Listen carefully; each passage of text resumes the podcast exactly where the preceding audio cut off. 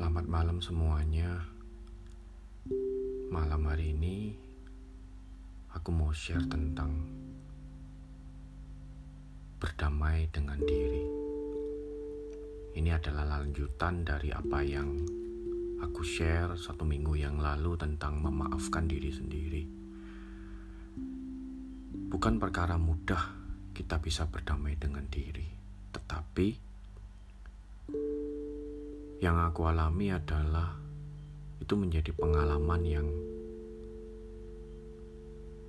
melepaskan aku dari rasa bersalah yang selama ini tidak aku sadari. Berdamai dengan diri selalu dimulai dari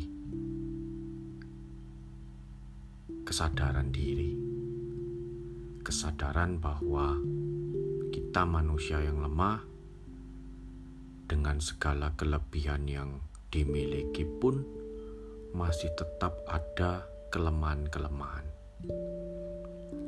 Dan kelemahan-kelemahan itulah yang terkadang yang membelenggu, membelenggu pikiran kita, membelenggu perasaan kita dengan berbagai macam perasaan ya tentunya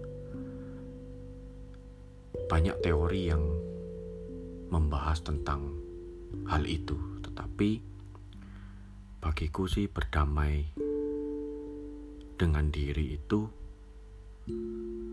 dimulai dari kesadaran. Dan bagaimanakah kita memiliki kesadaran untuk uh, berdamai? Pengalamanku adalah itu anugerah anugerah dari Tuhan. Itu yang aku alami. Dengan bantuan pakar atau psikolog atau psikiater, mungkin kita bisa menyadari bahwa uh, kita ini lemah. Tetapi banyak kasus juga yang meskipun sudah dibantu tetapi ya nggak sadar-sadar seperti itu. Tetapi yang aku alami adalah kelanjutan dari yang aku sharekan minggu lalu itu memunculkan atau lebih tepatnya itu dikuakkan ya terkuak. Mungkin yang selama ini tidak aku sadari yaitu tentang aku belum memaafkan diriku sendiri, itu bisa aku sadari gitu. Dan lepas dari itu akhirnya membuat aku bisa berdamai. Menerima aku apa adanya, menerima diriku yang penuh dengan kelemahan dan ternyata tanpa Tuhan ini aku nggak bisa.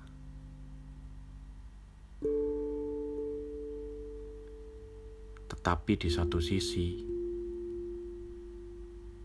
dengan aku berjalan bersama Tuhan, aku bisa melakukan banyak hal. Jadi seperti itu.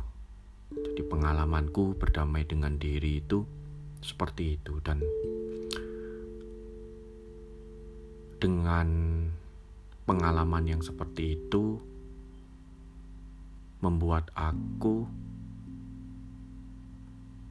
ya ingin selalu sadar ya bahwa tanpa Tuhan aku nggak bisa apa-apa. Dengan Tuhan aku bisa melakukan apa-apa saja. Itu yang aku yakini. Jadi dengan aku mengampuni, memaafkan diriku sendiri,